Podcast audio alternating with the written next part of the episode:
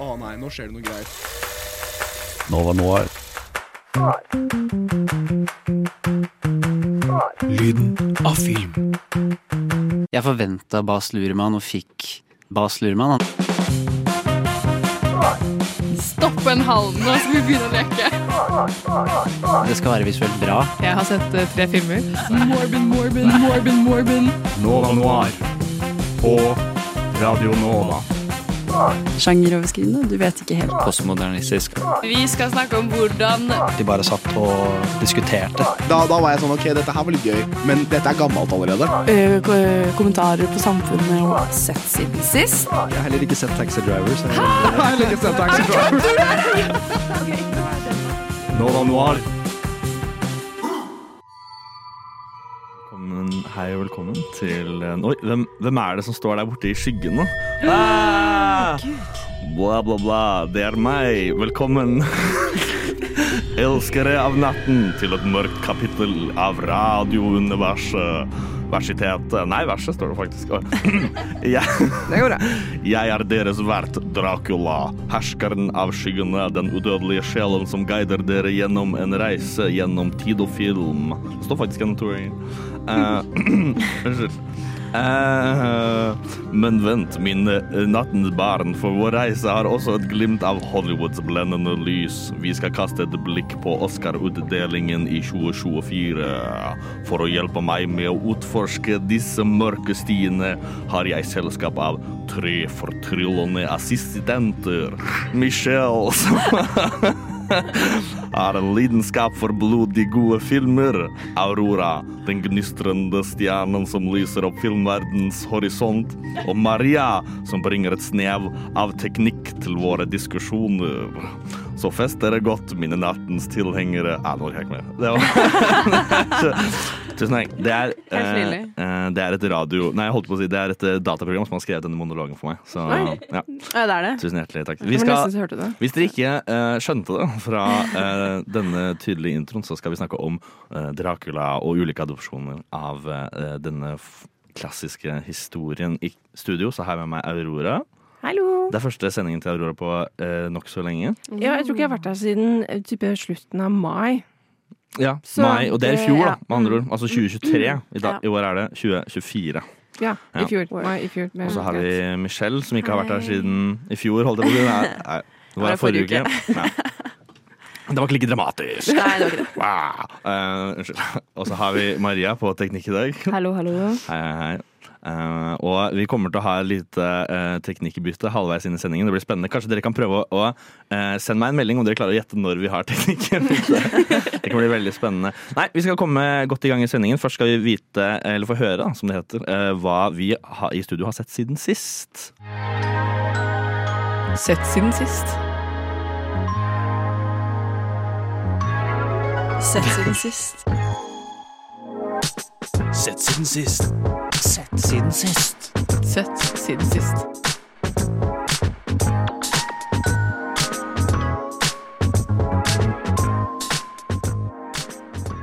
Sett siden sist. Hvem har lyst til å begynne? Jeg kan begynne. Nå Aurora. Oh, wow. Right out of the gate, da begynner Michelle. Nei da. Aurora, du kan begynne. Um, det- jeg syns det er litt gøy i og med at vi skal snakke om Dracula i dag, fordi jeg har akkurat sett den der svenske Låt den ratta komme inn. Oh. Og jeg, jeg syns det er litt småflaut at jeg ikke har sett den før nå. For det er litt småflaut at jeg ikke vet hva det er for noe. nei, Johannes! Unnskyld, kan jeg søke det på telefonen min? Ja, gjør det. det handler jo om eh, Oskar som bor i Sverige. Et eller annet sted. Det var veldig generelt. Men, og så flytter inn en jente i Ja, det var sånn Sverige. Um, og så flytter inn en jente i naboleiligheten, og hun er litt, uh, hun er litt rar. Oskar er også rar, så det er greit. ikke sant? Eh, og så uh, er hun, hun jenta her rar på en kanskje litt overnaturlig måte. Um, Gidder ikke å spoile noe mer enn det Nei. for de som ikke har sett den. Men jeg er en kjempe-horror-fanatiker, så den her var helt sinnssykt bra. Anbefaler å se. Kos meg se. Mm, den er Jeg- kjempebra. Jeg er livredd for skrekkfilmer. Ja, så- jeg kan umiddelbart si at dette er en film du ikke nok skal Mm. se alene. Jeg tror- ikke at den er så skummel. Det er ikke en kosefilm. Nei. Det er ikke en barnefilm. Jeg, jeg tror dere kommer til å skjønne uh, alle sammen senere i denne sendingen hvorfor jeg ikke kan se skumle filmer. Fordi at eh, de filmene vi har sett i dag, skal ikke være skumle engang, og jeg, de var, jeg ble livredd. Michelle, hva har du sett siden seriøst? Um, jeg har sett The Day After Tomorrow, Wow. um, som jeg nettopp sa nå under låten, at jeg, jeg er ikke noe glad i eh, katastrofefilmer. Jeg syns de er kjedelige. Jeg synes det blir Ofte så blir det bare for teit, på en måte. Og så er det altfor Altfor generelt, altfor Å, selvfølgelig skjer dette nå. Veldig Hollywood-modell, hvis dere skjønner hva jeg mener. Mhm, Mm. -hmm. Og så sett Scarface. Den var kjempebra, da. Okay. Eh, Scarface er jo banger. Nei, det er banger, ass. Motherfucking banger. Kjempe-quotable film. Det er det, masse- men jeg syns, jeg syns eh, den eh, dialekten hans blir for far-fetched. Mm. Al sin. At han skal være portugis Nei, ikke portugiser, men Italiensk? eh, Er det ikke det? Nei, nei, nei. I Kubansk, Scarface er han Å, herregud. Det er veldig lenge siden jeg har sett den. Ja. Ja, ja, jeg så den i julen med mamma og pappa. Jeg tror faktisk jeg så den på julaften. Å, av Mm. Men han er definitivt en mer overbevisende uh, italiener. Men Ja, jeg, mye mer. Jeg syns han funker Han har et sånt uttrykk som Han kan være liksom Mm. eh, alt fra Sør-Amerika, Nord-Amerika og Europa. Han kan liksom være Han kan, Ja, han kan være fra ganske mange steder. Du må ganske langt øst før han ja. begynner å se utroverdig ut. Prøver seg fram. Oh si det sånn. ja. Ja, nei, det er en, det er en banger, ass. Ja, den var bra. Det Den var jeg er fantastisk. Mm. Uh, jeg har sett Remember the Titans, som er en fantastic movie. Som jeg pleier å si. Og det er, uh, det er Denzel Washington i en sånn der streng uh, coaching-rolle. Og jeg, bare- jeg syns det er så faen meg så ballebra. ass. Og den er sånn, så skikkelig sånn her comfort watch. Du bare ser på den, og så bare sånn Å, deilig. Å, fett.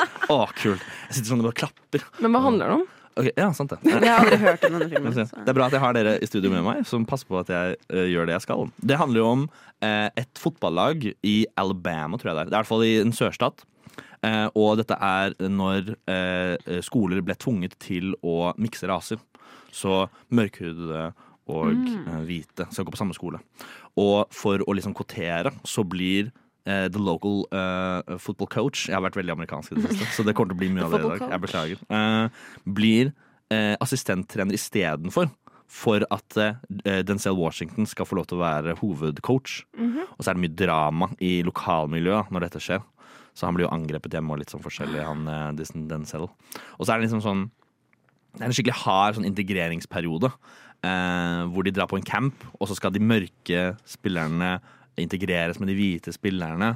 Og så eh, er det liksom sånn Det er sånn skikkelig sånn god eh, Vi hater dem. Vi hater disse folk. Ja, skikkelig. Og så eh, på slutten av denne campen så er de sånn Det er brødrene mine, ass. Det er bare, vi bare er så Vi viber så jævlig, ass. Sånn, jeg, jeg elsker også soulmusikk, så er det sånn på slutten, da. Nei. Eh, veldig veldig eh, sykt sånn holdsom, koselig film. Og det er, jo, det er jo basert på sann historie. Eh, så Ja, ja. dette har jo på en måte jo de skjedd i gåsetegn. Eh, hvor mye som har skjedd. Etter at eh, jeg visste at eh, Fargo også er basert på en sann historie, uten at det er det i det hele tatt, så har jeg vært litt var når det kommer Ja. til dette. Eh, men det er en kjempegod sånn her eh, bare sånn torsdagskveld-vibe eh, watch. Bare sånn, jeg koser meg. Og uh, Ryan Gosling er med i den. Å, nå må jeg se den. Ja, men som en tolvåring, liksom. Eller han er vel kanskje 16-17. Ja, det er i 2000, så Ja, han er veldig, veldig ung, og han spiller egentlig en ganske liten rolle. Eh, Så det, han stjeler ikke showet, akkurat. Men eh, man ser i øynene på han at han kommer til å bli noe. En, en, en dag, om, om sånn 24 år ish, så kommer han til å synge på uh, en eller annen Barbie-film, tenker jeg, da. Det, det var det jeg trodde første gang jeg så den. Nei, men det konkluderer vel på en måte vår sett siden sist. Og eh, nå skal vi snart gå inn i vår første Dracula-film. Nei, vet du, det skal vi ikke. Vi skal snakke okay. litt ah, Stopp, stopp, stopp. Stopp toget. Jeg skal av. Eh, vi skal snakke litt først om hvor Dracula kommer fra. Uh. Dette er Dracula, og du hører på Nova Noir.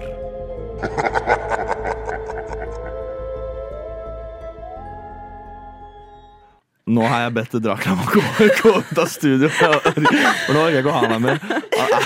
Utrolig slitsom eh, type. Nei, bli i kista di nå. Ok, Tusen takk. Eh, Dracula, hvor kommer han? Jeg må hente meg en etter det her. Eh, Det er verdenspremiere på denne jinglen. Eh, Skal vi se. Dracula, hvor kommer han fra? Transylvania er på en måte det enkle svaret. Men hvor er liksom første gang dere så Eller ble introdusert for denne karakteren? Michelle? Hvor? Det er et spørsmål som jeg ikke har noe godt svar på. Nei? Men, eh, men jeg tror liksom jeg er mest kjent med sånn eh, nyere versjoner av bare sånn generelt vampyrene, liksom. Type Mm. ting. Eh, så Twilight. Ærlig. Jeg tror ikke det var det første. Sånn helt ærlig, Jeg visste jo hva Dracula var før på en måte Twilight var en greie. Mhm. Eh, men jeg kan, ikke, jeg kan ikke peke på at det var liksom én spesifikk dato eller et punkt i mitt liv. hvor Jeg var sånn nå er jeg kjent med Dracula og hans navn og hvem han er og Nei, jeg enig. hans nærvær. Jeg tror første gang Det, det eldste minnet jeg kan komme på, er sånn eh, Er eh, Hva heter det? Scooby-Doo, den tegneserien. Ja. Der er det en, en episode, eller et par episoder, hvor han er med, faktisk. Og Det er liksom min første introduksjon med Dracula. Og da er han veldig den, den klassiske sånn fin, fin dress og Ja. hvit i Bla, bla, bla, Bla, bla, bla, bla. Ja. Ja, og det er jo Transylvan, Hotell Ja. Transylvania-versjonen. Den På norsk, faktisk. Så hvis dere tar den referansen, så er dere, har dere småsøsken, mest sannsynlig. Jeg elsker jo Hotell Transylvania. Jeg syns det er kjempebra. Jeg har ikke småsøsken jeg har sett den helt selv. Ja, alene. har du sett den på Just norsk? by my own. Ja. Nei, det har Nei, jeg ikke. ikke sant? Der, og der går du glipp av denne bla, bla, bla-referansen. Okay. Okay, ja, Men sant. kan ikke du bare se den til neste gang? Så- Vet du hva, kanskje jeg skal det. Kanskje du skal det. Aurora, hva, hva er liksom ditt forhold til Dracula? Eh, jeg er jo obsess med Dracula. Kjærester? da kan du få svare vanlig. Nei, men eh, jeg vet ikke om dere husker det, men det er en spesifikk Svampebob-episode hvor lyset driver og går på The Cruster Crab, eller altså den crispy krabbe. Eh, og så sier de 'men hvem var det som tok lyset?' Og så snur de seg og så bare 'det var Nosferatu'! Og så står han og døra. Det er veldig tilfeldig. Det er kult at du sier, fordi på eh, reviewsa til den første filmen vi skal snakke Ja. om i dag, som er Nosferatu fra 1922, så står det 'Jeg så denne filmen for å skjønne Svampebob-referansen'. Og jeg, bare sånn, og jeg må jo, nå må jeg se Svampebob for å skjønne Ja. Svampebob-referansen. På en måte, Nosferatu-referansen, holdt jeg på å si. Så det er litt interessant. Jeg husker, men jeg så den episoden og så tenkte jeg bare det var en guffen type. Eh, men så, selvfølgelig så har du liksom eh, Dracula, bla, bla, bla. bla, bla. Dukker opp som sånn der ikon i forskjellige settinger og sånt, så man blir jo kjent med det. Men det var ikke nok før jeg ble litt eldre, sånn i tenåra, at jeg liksom hørte om Bram Stokers Dracula og sånt. Så ja. Det er jo eh, en helt vill mengde med Dracula-filmen. Hva er deres favoritt-Dracula-film som vi ikke skal snakke om i dag? Er det noen av dere som har liksom en sånn Dracula-film dere husker? Noe særlig? Jeg skal være helt ærlig, jeg har bare sett de vi skal se til i dag. holdt jeg på å si. Det er spesielt. Um, ja, det er vel egentlig bare dem jeg også har sett. Um, jeg, hadde veldig lyst til å se den fra 1958 også, men den er jo ikke å oppdrive. Den finnes ikke noe sted. Ja. Det er en illusjon. Mm. Um, så ja, nei. Det, jeg tror nok kanskje jeg syns den fra 1922, den som vi også skal snakke om etterpå, er blant de bedre. Kanskje den derre eh, What We Do In The Shadows. Den, den er så bra. Mm. Ja, den Det serien. er, ja. Og Ja. Der, der, eh, den, nei, jeg Filmen. tenker på filmen. Filmen. Og filmen så er jo uh, Vi skal uh, kom, Vi kommer jo til Nosferatu i neste eh, prat, holdt jeg på å si. Eh, og, men den eldste vampyren i dette vampyrkollektivet som What We Do In The Shadows handler om, er jo en direkte kopi av Ja. Nosferatu-vampyren. Okay. Så det er liksom den er helt lik da, i, i form og uttrykk. I, I dialog også, faktisk. Det er, ja. Ja, den, det er en veldig veldig bra Kjempebra. documentary. Veldig Mm. morsom documentary. Uh, så det er noe jeg anbefaler definitivt. Men uh, ja, det er trygt å si at Dracula er en veldig sånn ikonisk karakter. Og alle, selv om kanskje ikke man har sett en film før vi så de vi så i dag, så vet jo alle akkurat hva Dracula er. Og alle har liksom mer eller mindre samme forhold til Dracula og hvilken Dracula de ser på som den originale Dracula. Litt sånn som Batman. Alle har liksom sin Batman. Mm. Ja. Um, Du får et bilde for øyet når noen nevner Dracula. Tenker du ah, fyr i sånn smokingdress og noe røde greier. Den røde sånn sløyfe, sånn derre pretensiøs eh, Sveisen. Ja. Mm, Glatt sveis. Veldig glatt. Veldig glatt. Det er all fettet fra ikke å ha vasket seg på håret i 400 år, faktisk. Nei, men eh, etter en liten musikalsk pause så skal vi snakke om den første filmen, Nosferatu. God jul. God jul. God jul! God jul. Fra Radio Nova. Ja! God jul! God jul! Happy holidays, da!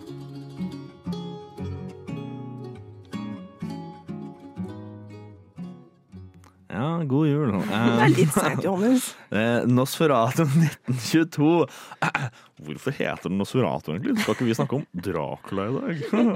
Takk for at dere spør. Eh, Dette er den første eh, cinematiske avbildningen av Dracula. Dracula. Og det er en avbildning av Dracula, for den er basert på samme eh, roman som alle de andre filmene vi skal se i dag, er basert på. Så det er liksom det er samme story, samme plott, men alle karakterene heter noe annet. Og det er, eh, for å sette stemningen litt, fordi at de eh, lagde filmen uten å få rettighetene til boka. Eh, og så var de sånn Det er ikke lov, egentlig. Og så var de sånn Ja, vi gjør det uansett. Eh, så de gjorde det. Eh, Endra på alle navnene og håpet at det holdt. Men det er liksom det er samme historie. Eh, er, Det er, det er veldig usynlig. det er kjempeulovlig! Selv i 1922. Eh, de ble saksøkt av kona til han som har skrevet boka, som heter Bram Stoker. Yes, Bram Stoker. Og eh, det er greit å ha liksom, folk som husker de ting for meg.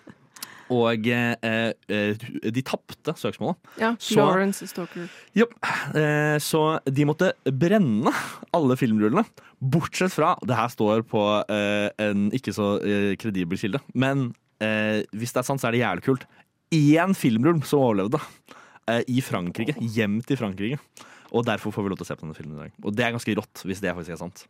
Det, jeg, jeg tar jo utgangspunkt i at det er sant, fordi det står jo både på um, diverse nettsider, men det står også når du starter Nosferatu-filmen, så står det litt sånn kort Mm. historisk om at oi, det her er faktisk litt unik historie til filmen. Jeg velger å tro på alt som blir sagt til meg, jo mindre jeg vet at det er feil. Jeg velger å tro på det kuleste sagt. Word. Det, det som er det som meg, er- jeg tar det du sier. det, som- det som noen fortalte meg sist, eller det som er kulest, det Mm. velger jeg å tro på. Det som også er litt spennende, er at filmen ble faktisk forbudt i Norge når den ble vurdert i 1922, men ble vist på Oslo Filmklubb eh, i 1966. Oi, Var det, første gang den ble vist i Norge?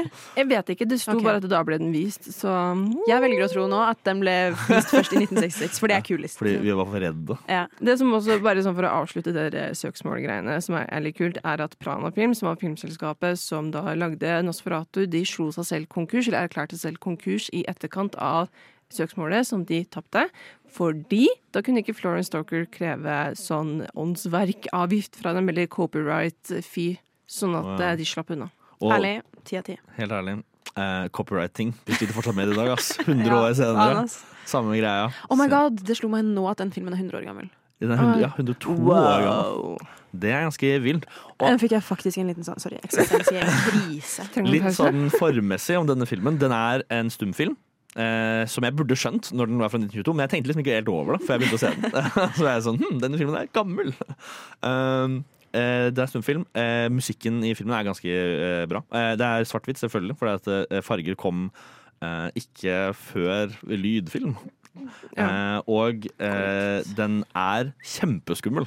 Jeg synes den filmen er så skummel. Men hvorfor det? Eh, jeg vet ikke hva det er, men jeg leste en veldig bra eh, Noe som satte veldig ord på mine følelser rundt denne filmen. Og det er at det viste, det viste liksom at det, det er ikke bare liksom sånn eh, store, skumle eh, ting som er liksom sånn som er skremmende. Det er liksom sånn den derre ondskapen som lurker i skyggen. Den liksom mer sånn psykologiske ondskapen som liksom virkelig er forferdelig. Og det er jo uh, Dette er jo en mye mindre uh, ambisiøs film En, Eller virker i hvert fall sånn, da. På 1922 så er jo på en måte bare å få noe på film er ambisiøst.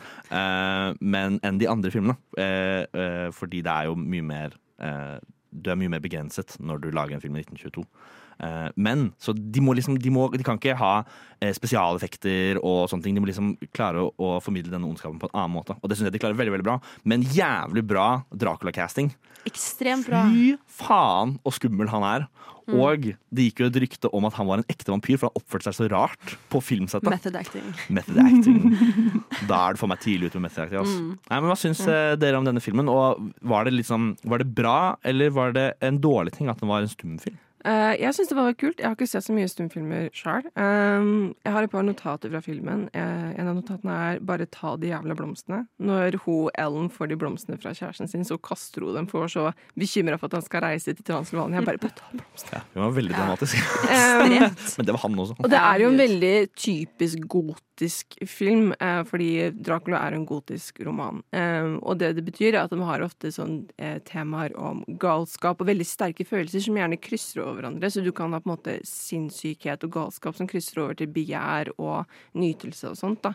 Og det er jo det som også gjør den Nosferatu-filmen til veldig bisarr, fordi det- det er liksom så kort mellom de ekstreme følelsene, eh, og eh, det er nesten litt vanskelig å forholde seg til det. Så du er veldig sånn skuespilleraktig, nesten som man ser på teater. Veldig. Og det er jo fordi at mange av disse skuespillerne er jo fra teateræraen. Eh, og du vet- merker det med, med han som spiller hovedrollen. Ja. Fy faen, han overspiller, ass. Mm, Og han, det er, han hvis det er én ting jeg ikke liker med filmen, så er det han. Jeg syns han spiller utrolig dårlig. Vi har en hånd, faktisk, her oppe i venstre. Ja, fordi jeg er veldig, veldig interessert i kinohistorie og Dette er filmhistorie. Maria, teknikeren vår. Eh, tekniker, også kinooperatør. Shout-out til meg. Ja. Men det som er greia med Nosferatu, er at den kom på 20-tallet i Tyskland. Hvor det, det er den perioden man kaller Weimar-film. Altså Weimar-cinema, som var det er liksom rart å se for oss i dag, fordi det er så mye Mm. ekspresjonisme og det er så sterke ting. Det er fordi den tida i Tyskland var så usikker at alt av uro og turmoil bare reflekteres inn i filmene. Så alt er dystert. Det er liksom det er Metropolis ikke sant, fra 1926. Det er sånn OK, fremtiden, den er jævlig dyster. Vi, går, vi har det ikke bra. Så bare alt er usikkert. Og det er kjempe opp og ned i alt av Ja, sånn som du sier da, det er liksom sånn teaterskuespill. Veldig teaterskuespill. Ja, veldig. Og når han kaster boka Han Ja. kaster en sånn bok som han får som en sånn advarsel. Ja. uh, og jeg bare Jeg klarte ikke å se på det. Nei. det var, ja. Men det er også um, Det Maria sa, korrekt, men også det er en stumfilm. Man må overspille for å gjøre det troverdig. Liksom for å forstå hva man prøver. Liksom. Ja, men virkelig, for at det ikke er noen dialog. Uh, jeg likte den. Um, det var ikke min favoritt av de i dag, på en måte, men jeg hadde ikke noe imot den. Men jeg er enig i det at at det var deler av den som faktisk var skummel. Jeg tror det var det som overrasket meg mest. Sånn, shit, jeg ble faktisk litt sånn satt ut av denne filmen på eh, noen punkter. For jeg trodde ikke at det skulle bli. Liksom. Jeg var vant med sånn The Conjuring. Da, da er det Ikke at The Conjuring er skummel, da, men sånn, dere skjønner hva jeg mener. Jeg, jeg, jeg blir livredd bare av tanken. Ja, ja, det eneste for meg er sånn jump scares, men det er liksom, da er det ikke skummelt. Da blir jeg stressa bare av å ikke vite hva som kommer. På en måte, Jeg, så man forstår. kan jeg må ta Paracet jeg ja. Men, men eh, det minte meg veldig om Eller bare generelt det du snakker om det menneskelige med å, eh, å bli stresset, sånn, eh, det som lurker i skyggene. Sånn, eh, de få klippene når man bare ser han i bakgrunnen, eller der han bare står helt livløs i skygge eller i, i mørket. Det er kjempeskummelt. Um, og det, det vet jeg at vi fortsatt i dag er redd for. For i, eh, i mitt kollektiv eh, Det var en dag jeg skulle skifte på sengetøy, jeg hadde på AirPods, og så hadde jeg døren bare litt åpen i en glipe. Eh, og jeg bare minding my own business, og så kjenner jeg liksom det prikker i nakken. Og så ser jeg at min romkamerat liksom bare har, har stelt seg liksom med hodet på skakke i den døråpningen og stirrer på meg. Og jeg ble Syke, så livredd. Ja, faktisk, jeg kastet en pute på henne. Det var helt vilt. Det var min første reaksjon. Ta en pute og bare kaste den. Det var før veldig berettiget. Ikke sant? Og da ble jeg sånn, ja, jeg skjønner at folk i dag er redde for denne filmen, og folk da er redde for den filmen. For Ja, det er bare noe skummelt. Jeg skulle ønske jeg kunne være i kinosalen. Når den filmen kom for første gang. Mm. Og den, den ble jo sikkert ikke vist noe som helst nesten på den tiden, for den, jo, den var jo ulovlig ganske Mm. tidlig. Eh, men eh, det er kanskje greit å gå over bare sånn generelt plottet. Plottet er kjempeenkelt, og plottet er likt gjennom alle filmene. Word. Eh, Så vi, vi trenger bare å gjøre det her én gang. Men det er jo da denne eh, eh, hovedkarakteren er, eh, i denne filmen i hvert fall. Det, kom, det blandes litt hvilke de, Rollene plasseres litt sånn rundt. Eh, det er det eneste som er litt sånn uoversiktlig med disse filmene. Eh, men det er en eiendomsmegler, ish, som, kommer, som reiser til Transylvania for å snakke med klienten sin, Dracula. Eller i dette tilfellet, hva heter han i denne Nosferatu. Oh, ja, Ja, men eh, hva heter han? Orlok. Orlok. Ja, grev Orlok, ja. ja. Orlok, som er et også ganske ekkelt navn. og Pass, veldig passende. Ja, til, riktig. Som er akkurat hvordan han hadde snakket hvis det ikke var en stumfilm. Eh, og eh, er veldig sånn eh, cocky når han kommer til Transylvania. Folk er veldig sånn 'du kan ikke gå opp der nå, det er midnatt'. Men han har en avtale om midnatt, så han, ja, ja, det er ikke noe stress. Liksom. Herregud. Eh, og så merker han veldig fort da at denne, det er en grunn til at folk er så redd for denne Count Dracula, som bor oppe i et slott, et forlatt slott. Eh, og eh, jeg liker alle disse forskjellige scenene, alle disse forskjellige filmene på hvordan de liksom introduserer slottet og sånn. Det kan vi komme litt tilbake til hvordan de andre gjør det senere. Eh, men det er ganske sånn, det er ganske chilling uh, greier. Det eneste jeg ikke liker med eh, stumfilmer og sånne gamle gamle, gamle svart-hvitt-filmer, er at det er veldig vanskelig å se om det er natt eller dag innimellom. Ja. Så du må bare huske på om det skulle være det. Ja. Eh, men han får ganske fort vite at her er det noe gærent. Eh, og han blir fanget i slottet mens Nosferatu drar til England for å så det, eh, hva skal man si, ta hånd om kona hans, på en måte. Eh, Han kjøper en eiendom Ja. han kjøper for å komme seg til eiendom England. Mm. for å komme seg til England, og han blir obsesst med eh, forlov, den forlovede kvinnen til da den eiendomsmegleren. Mm. Og så, er det liksom sånn, så spill, utspiller det seg litt sånn forskjellige måter etter det. Ja. Men det er mer eller mindre det samme plottet gjennom alle filmene. Ja. Så eh, det er ganske interessant. Men eh, eh, jeg likte denne filmen veldig veldig godt. Overraskende godt til å være eh, 1922. Jeg syns den var superskummel. uh, og jeg syns ikke det blir noe Jo, kanskje. Neste film vi skal snakke om, er jo uh, fra 1931, og det er jo sneve ni år senere. Uh, så blir jeg interessert i å kanskje høre hva folk syns om den. Og nå er vi drøye! wow, wow, wow. Og så er det sånn, men dere er jo egentlig ikke det. Nova Noir. En liten uh, eh, kunnskapsklok fugl hvisket meg inn i øret at uh, forrige film er filmet i Transylvania. Jeg glemte å si det. Unnskyld. Ja. Utdyp. Jo, eh, det er faktisk spilt inn i eh, Transylvania. Som er det ekte hjemlandet til ekte Dracula. Eh, ja, og det som er gøy, er at eh, boka fra, av Bram Stoker altså Det er basert på ekte steder. Transylvania i eh, Romania, Whitby i England, Essex og alle de stedene. Så det er Eller jo, Exeter, som Jonathan og Mina Harker kommer fra. Sånn, så det er Hvis du googler og går på Google Maps, så finner du slottet. Du finner også det sanatoriumet til dr. Seward. Mm. Så trygt å si at uh, hvis du leter etter Dracula, så klarer du å finne ham, som jeg pleier å si. Hvis ikke han finner deg først. oh, og, hei, hei, hei, Dracula, jeg sa du ikke kunne være her inne. Gå ut. Uh, jeg syns uh, dette, den filmen vi skal snakke om nå, er jo en eh, senere versjon. Ni år senere. Her er det lyd. Mm. Eh, jeg husker ikke om det var Ikke farge, i hvert fall, med mindre du f- så en AI-versjon av, eh, av denne filmen. Hvor de har lagt til fargescener. Eh, eh, og dette er jo i den perioden hvor de begynte med lydfilmer. Og denne perioden er veldig rar, fordi der er det veldig mange skuespillere med eksistensielle kriser fra stumfilmæraen, hvor de ikke tidligere var stemmeskuespillere, Ja. og nå må være det. Kanskje snakker tysk, kanskje snakker italiensk. Det er veldig vanskelig. Liksom sånn der, før så pleide man jo bare å blande eh, skuespillere uansett hvor man kom fra. Eh, mye av filmene ble liksom filmet i Frankrike og Tyskland og sånn, med forskjellige skuespillere fra forskjellige eh, land. Det er jo en dansk regissør som er veldig kjent, sånn, som har regissert Ordet og sånn. Jeg husker ikke hva han heter nå. Ja, men han også lagde jo filmer i Frankrike, men eh, stumfilmer.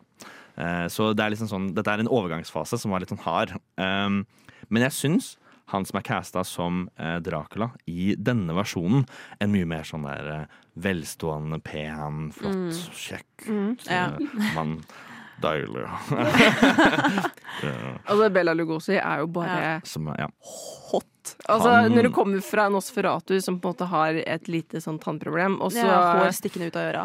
Ja, det, altså Han har det i boka også, men liksom, det er ikke hjørnetenna som stikker ut, det er jo fortenna. Og så kommer du til liksom Bela Lugosi, som er bare sånn derre Bela Lugosi. mm. Han er ungarsk, da. Så. Å ja, ok. Ja. Eh, Bela Lugosi. Jeg vet ikke. Beklager. Anyways, han var jo en veldig flott Dracula. Mm. Og den første som liksom Det er jo her denne Ja. type Dracula vi kjenner, kommer fra. Det er den de fleste tenker på når de tenker på Dracula. Liksom. Mm. Det er Ja. denne versjonen. Mm. Sånn stilistisk veldig sånn ikonisk. Um, og så var det jo en veldig sånn veldig pen film. Åpner liksom med Mm. Svanesjøen av Tsjajkovskij på starten. Ikke sant? Du bare sånn ah, Jeg fant en fun fact mens jeg drev og leste opp Bela Lugosi når dere var sånn Å, han er så kjekk og fin. Så jeg så han opp. Veldig kjekk. Eh, han er fra Det var Østerrike. det. Han var fra- tusen takk. Ja, takk for meg. Han var fra Østerrike og Ungarn, Ja. eh, som da Romania var en del av. Så han er fra Transylvania. Han ble født i Transylvania. Han er Dracula! Han er Dracula. Men i hvert fall, eh, derfor står det at han er ungarsk, men han var jo egentlig fra Romania, da, som var en del av Østerrike-Ungarn så sjukt gøy. What the fuck? Det, er en, det, det her er en total avsporing, og jeg skal være veldig veldig rask. Nei, det er ikke så farlig. Ok, Kjør for på. Det står at han er ungarsk-amerikansk, og dette irriterer meg grenseløst. For, for han var jo ikke, altså Dette er typisk amerikanere som har lagt inn at å ja, men han var amerikansk, han flytta til USA. Sammen Å ja, med Greta sånn, ja. Garbo. Han bodde der, liksom. Word! Ja. Greta Garbo eh, blir eh, oppnevnt som svensk-amerikansk. No, hun var bare svensk. Hun er, er ikke amerikansk i det hele tatt. Hun bare flytta dit. Og På et punkt da hun var sånn 20. Så. Nei, nei, avsporingen avsporer mer. Okay. Eh, fordi eh, en ting jeg glemte å si i stad, er at eh, magazine, eh, magasinet eh, Empire rangerte Nosferatu, den 1922-versjonen, som 21.-plass på liste over de 100 beste ikke-engelskspråklige filmen i verden. Lol! Det sier ingenting i filmen! Hæ? Det er ikke noen replikker i filmen! Så det er, det er, bare sånn, det er så typisk Amerika. Er Ja. sånn, «Å, denne filmen som ikke er lagd i USA, er ikke en engelskspråklig film. Det er den 21. beste ikke-engelskspråk... Ja, Få se stumfilmene deres, som er så jævlig bra. Ja. Hvilke amerikanske stumfilmer er deres som er så jævlig bra?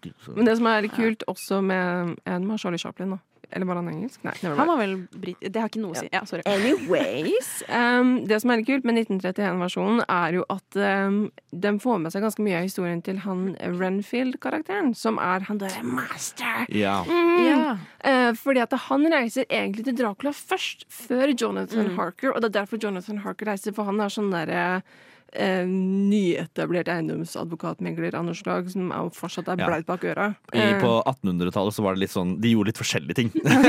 Antar jeg, I Ja. advokatfirmaer. Han var sånn multitasker. Eh, og så reiser han ned for å hjelpe Count Dracula med å få tak i denne eiendommen i Exeter. Og da har Renfield aldri vært der og klikka for den, ikke sant. Så derfor han er låst inn på det gale huset. Men jeg syns det var kult at han fikk med seg liksom Renfields rise and fall i, sammen med Dracula, og på en måte eh, hvordan han blir den karakteren som går rundt og på en måte kryper litt sånn gollemaktig sånn Ja. Han spiller så bra Ja, i denne eh, hvert fall eh, i eh, introduksjonsscenen når han kommer inn i dette slottet eh, for første gang. Og så er det ganske, det er ganske stort, dette settet. Det er ganske kult. Eh, og han spiller så overbevisende livredd. Jeg syns det er så bra. Når jeg ser på han, så tenker jeg sånn Det er riktig reaksjon. Ja. Det er så bra.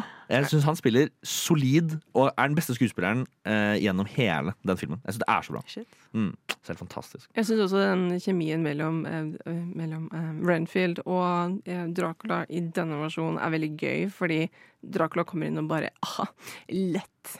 Det, der tar jeg liksom det, Du er min nå.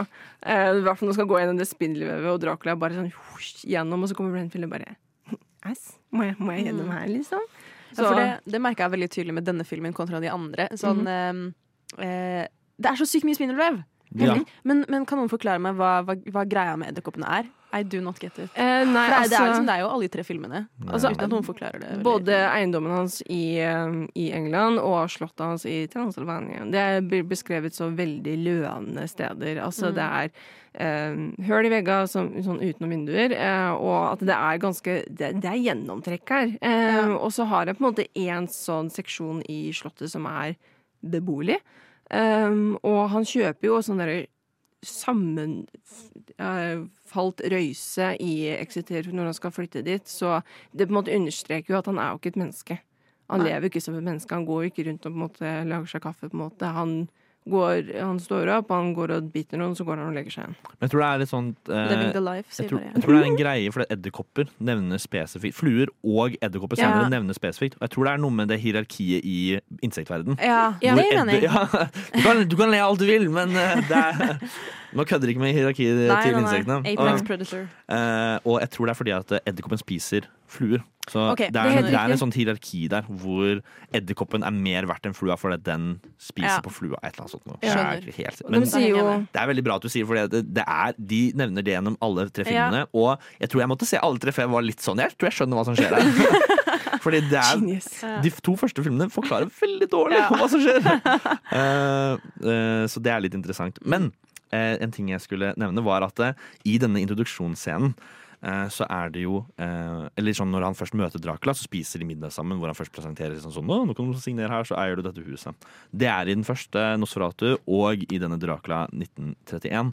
Og en ting som ikke er i boka, som er i Nosferatu, er at han skjærer seg på en kniv ved middagsbordet. Og eh, da blir Dracula plutselig veldig interessert. At du ser liksom sånn ah, reagerer på det, sånn blod mm, mm. Eh, Og det er ikke med i boka. Men det syns de var så bra at de tok det med i Dracula 1931 også. Ja. Og det er en, også en versjon av de i eh, den Draculaen vi skal se fra den Coppola sin versjon fra 1992, To. eller ja, noe sånt. Eh, som også har samme greia. Så det er faktisk noe som ikke er med i boka, som da ble med i Så ja. Mm. For han skjærer seg egentlig på barberblad. Ja, det, Ja, det er i Så de har endra det for å unngå, eh, for å unngå corporate, Ja. regner jeg med. Men så Eh, syns de den scenen var bedre da, enn bokscenen i Dracula 1931. ikke. Så de tok med den. Den barberbladscenen i boka er ganske sånn Den er litt sånn derre oh, Is it getting hot in here? Or is it Ja, det just me? altså, det er ekstremt homoerotisk. Ja, ja. Altså, I'm all for it. Og det er jo det mye av Dracula handler om. Ja. Folk var jo pissredde for eh, alt som handler om sex og i det hele tatt. Så det er jo det som er greien. Ja, jeg trodde det handlet om vampyrer. Men det, er også men det er kanskje det samme. Hvis jeg skal, um, Men edderkopper og fluer går igjen, og det blir jo som at Dracula på en måte suger blodet ut. For de sier jo 'the blood is life', 'the blood is life'. Ja. Um, og han Brenfield, når han blir låst inne, så sitter jo han og spiser fluer. Mm. Og så, gir han, så fanger han fluer og mater dem til edderkopper. Og edderkoppen spiser fluene, og så spiser han edderkoppen. Mm. Uh, og så begynner han å be om en katt. Han vil ha en katt, Ja. ikke sant? så han prøver å spise, konsumere så mye liv som mulig. Ja. Mm. Jeg kan jeg ikke tror- plystre. Nei, det går greit. Dracula kan du plystre. Ja, han kan faktisk det. Han har hatt 500 år på å øve, så det er ganske viktig. Nei, men eh, jeg syns dette var en veldig 1930-versjon av en film. Ja. Av en hvilken som helst historie føler jeg ville sett sånn cirka sånn her ut. Og det er en mye mindre skummel versjon. Eh, Så jeg føler kanskje at det var en mye mer sånn kino eh, Ja, mindre tysk, i hvert fall. Mindre tysk, men Ja. sies det ikke også at eh, Og dette er en fact jeg har lest, jeg kan ikke vise til en kilde. Det gjør vi aldri her uansett. så det er ikke farlig. Eh, Vi er at- ikke et informasjonsprogram. At, eh, at det, eh, oh gud, når den først ble vist på kino, så var det folk som besvimte i salen fordi de syntes at 1931-versjonen av Dracula var skummel. Ja, ok, det er gøy at du sier, fordi eh, i den teatralske versjonen, originalt, så er det en scene med etter at på en måte teppet har gått, hvor de filmer Dracula sånn i skyggene. Og så Oh. sier han dere må, ikke, uh, dere må ikke tro at dette ikke er ekte. Dracula fins. Altså, når dere ser inn i skyggene på rommet, bare vit at Dracula er der og ser på dere. Sånn, og det var så skummelt at de måtte kutte det fra uh, altså den teatralske versjonen. De kan ikke ha det med, og det fant de ikke på den versjonen jeg så nå heller. Nei. Så kanskje den delen er borte for alltid. Men gøy. Det var noe som var med, som var sånn, det var helt uaktuelt å ha med på, på kino. Og det var også noen sånne dødsskrik til Reinfeldt, ja, som også ble kutta fra originalfilmen. Så det er åpenbart at eh, sensur var ikke bare en ting i Norge på den tiden. Det var jo noe, Mm. noe eh, universelt. Hva skal vi snakke. Nei, men eh, så jeg syns kanskje ikke denne var den eh, skumleste versjonen. Men jeg likte den veldig godt. Jeg synes den var ganske interessant eh, til å være fra 1931. Er det noe final thoughts om denne før jeg går videre? Jeg syns aldersforskjellen mellom Mina Harker og Lucy Westendra og de andre mannfolka var mye mer logisk her enn filmen min går inn på, men jeg sparer det til neste stikk. Ok Da øh, vet ikke om jeg gruer meg eller gleder meg til neste stikk. jeg. Jeg har en siste fun fact. Ja. Bella Logi. Nå har jeg lest masse opp på han fordi jeg ble veldig fascinert. Ja. Eh, han er nok Dracula, for han ble begravd i en Dracula-kappe. Riktig. No shit. Og jeg tenkte først sånn, å, det der er bare en myte. Men det var bekrefta. Kona og sønnen bestemte at han skulle bli begravd i en av disse kappene han brukte som Dracula fra filmsettet. Men sånn helt ærlig, jeg hadde gjort det der på pur F. Ja. Hvis jeg hadde blitt antatt å være faktisk Dracula, så jeg hadde spilt i en film, Ja. og folk er sånn faen, Michelle, hun er Dracula. Om ikke jeg skal begraves i en Dracula-kappe, Ja. jeg skal Jeg gjøre alt for å bevare den illusjonen. Jeg virkelig, virkelig begynne å drepe Nei, jeg tror. Jeg fikk noe Så drepe. Jeg hadde drept, jeg hadde, jeg hadde sugd blod. Så Dracula fra 1971, det er faktisk en dokumentar. Ja, Men det er tydeligvis da vi er to for to med uh, skuespiller som spiller Dracula og antatt til å være Dracula. Det er ganske interessant. Og en, en, uh, det er jo disse uh, er ganske, Begge to er ganske sånn ikoniske Draculaer. Mm. For de er begge sin første versjon av de to forskjellige Draculaene som vi på en måte fortsatt fortsatt har i dag. Så eh, ganske, to ganske ikoniske filmer. Og etter eh, en musikalsk pause så skal vi eh, til eh, den siste Dracula-filmen vi skal snakke om i dag. Eh, nei, det er faktisk ikke sant. Det er den siste Dracula-filmen vi har sett til i dag, men vi skal snakke om en til senere. Eh, men det er den fra 1992, regissert av Coppola. Og det er på en måte, da hopper vi til en definitivt mye mer moderne Mm. versjon av Dracula. Som kanskje litt mer eh, som de er vant til å se. er den de fleste har sett, regner jeg med. Det regner jeg med. Og jeg har prøvd å se den flere ganger, men jeg syns den var skummel. Men eh, ja, vi skal eh, snart snakke om den, i hvert fall. In a world that's powered by violence. In a world without gas. In a world where owning a radio was strictly forbidden.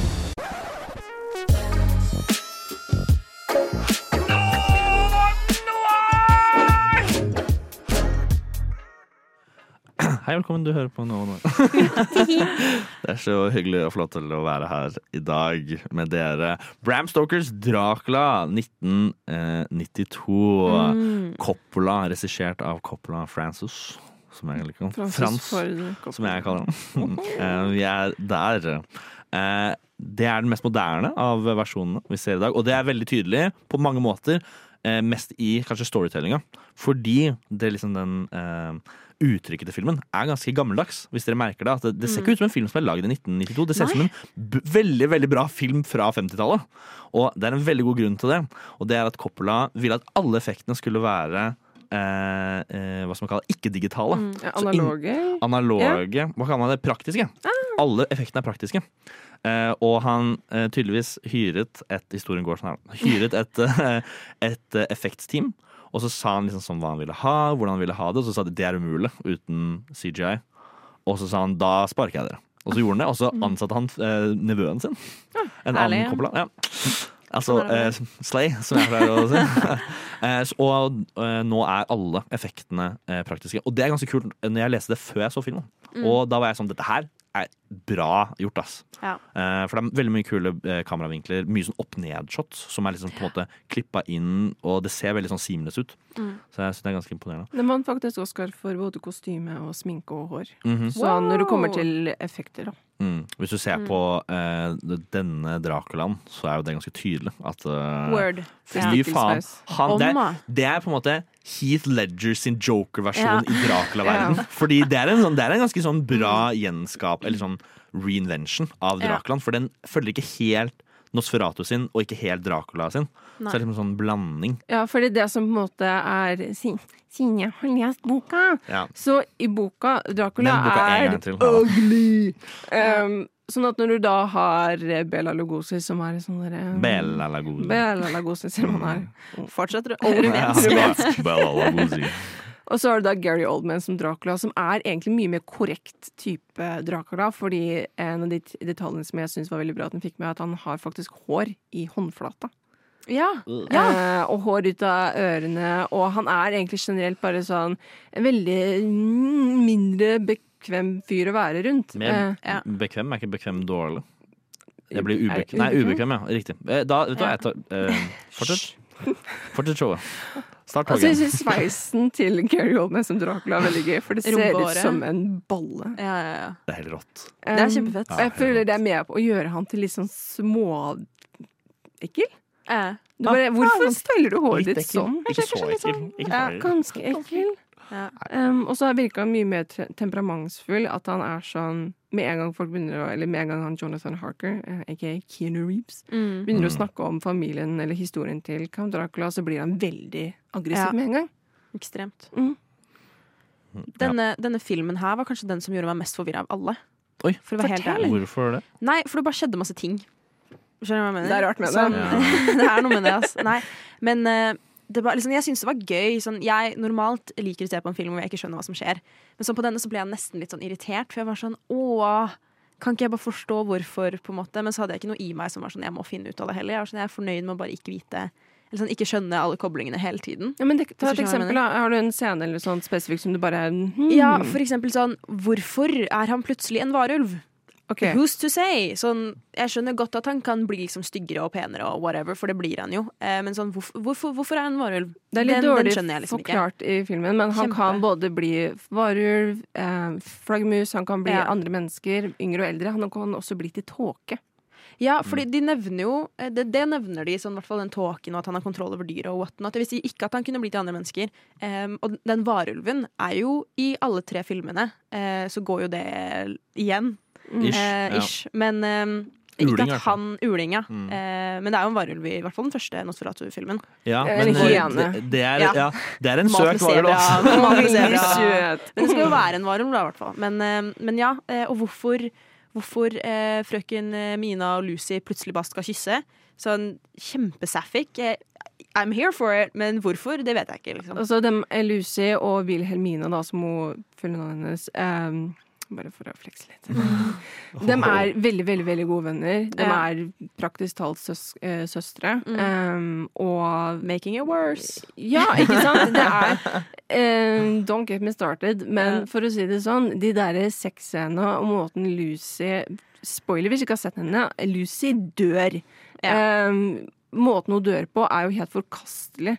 Måten Coppola har regissert det på. Ja. Det er en sånn derre bisarr, vulgær måte hun dør på. Men egentlig så er det hjerteskjærende. Hun ligger og lider i mange dager før hun endelig dør.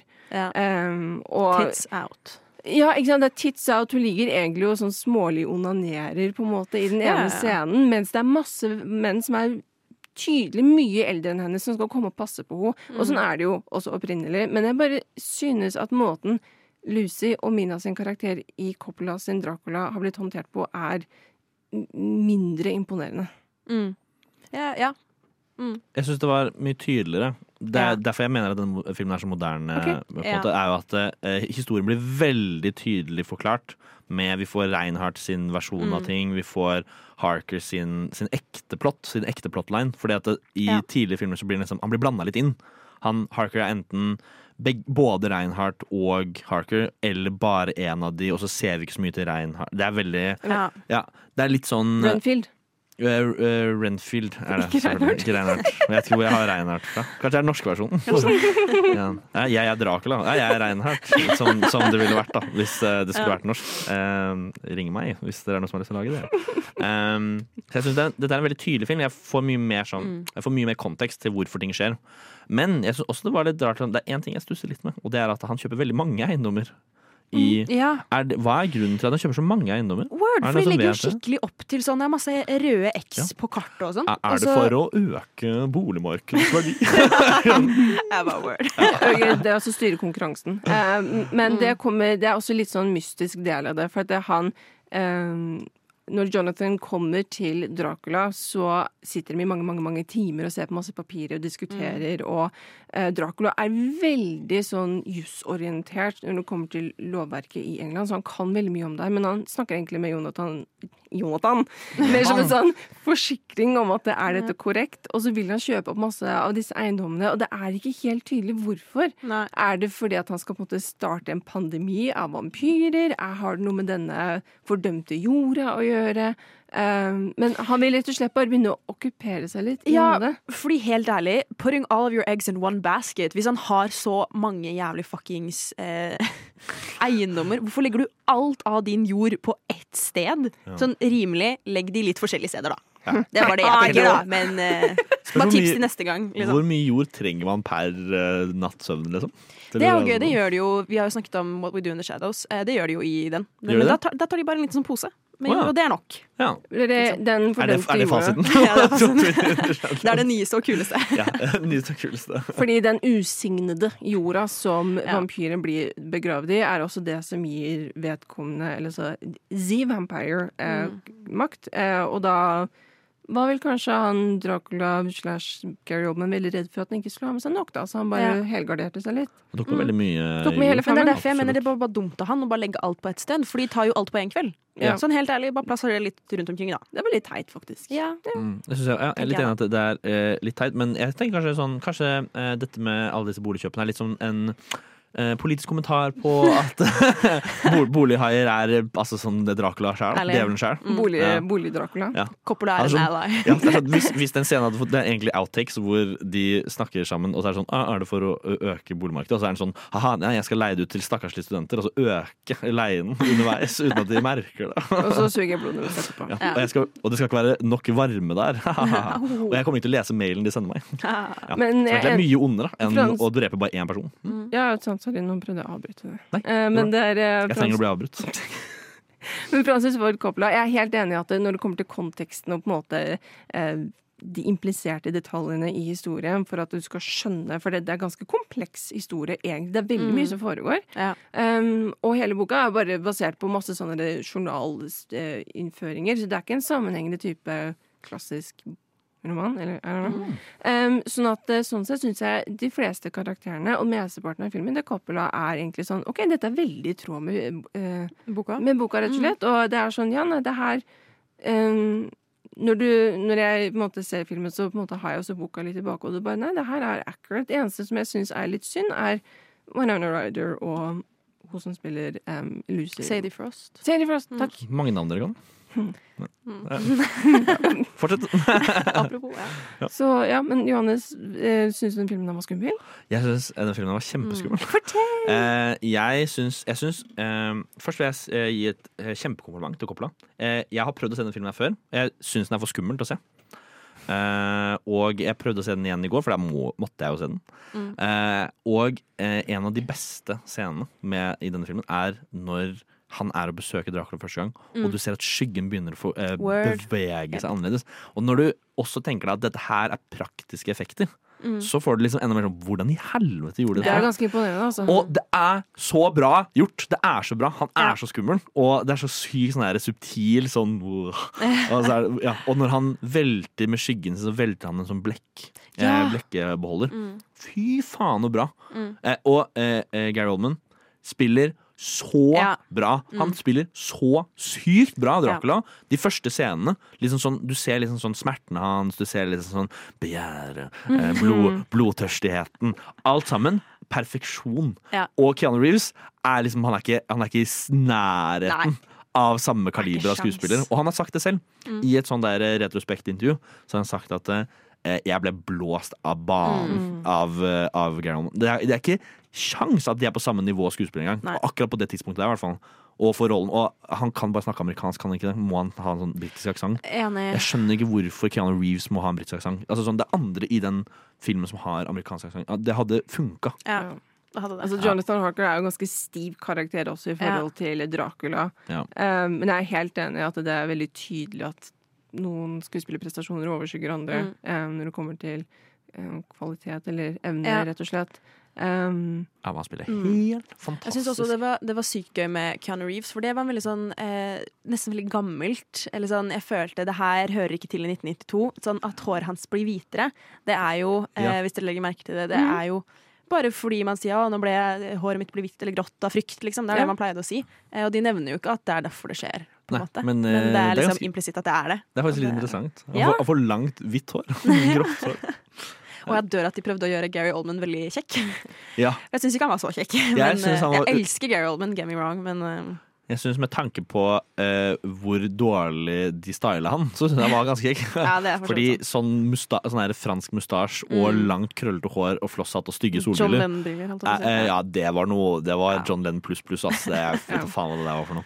Det var, eh, eh, det var et dårlig utgangspunkt. Men Jeg syns han gjorde det bra i, med det han hadde. men den barten er ganske presis. Han har sånn kjempe, kjempe, kjempetynn bart. Mm. Folk, det, folk legger merke til bare hvorfor har du så tynn bart. Men jeg syns eh, Gary Oldman som den unge Dracula Han bare I have traveled oceans of time Ja. to find you. Jeg bare Å, gud!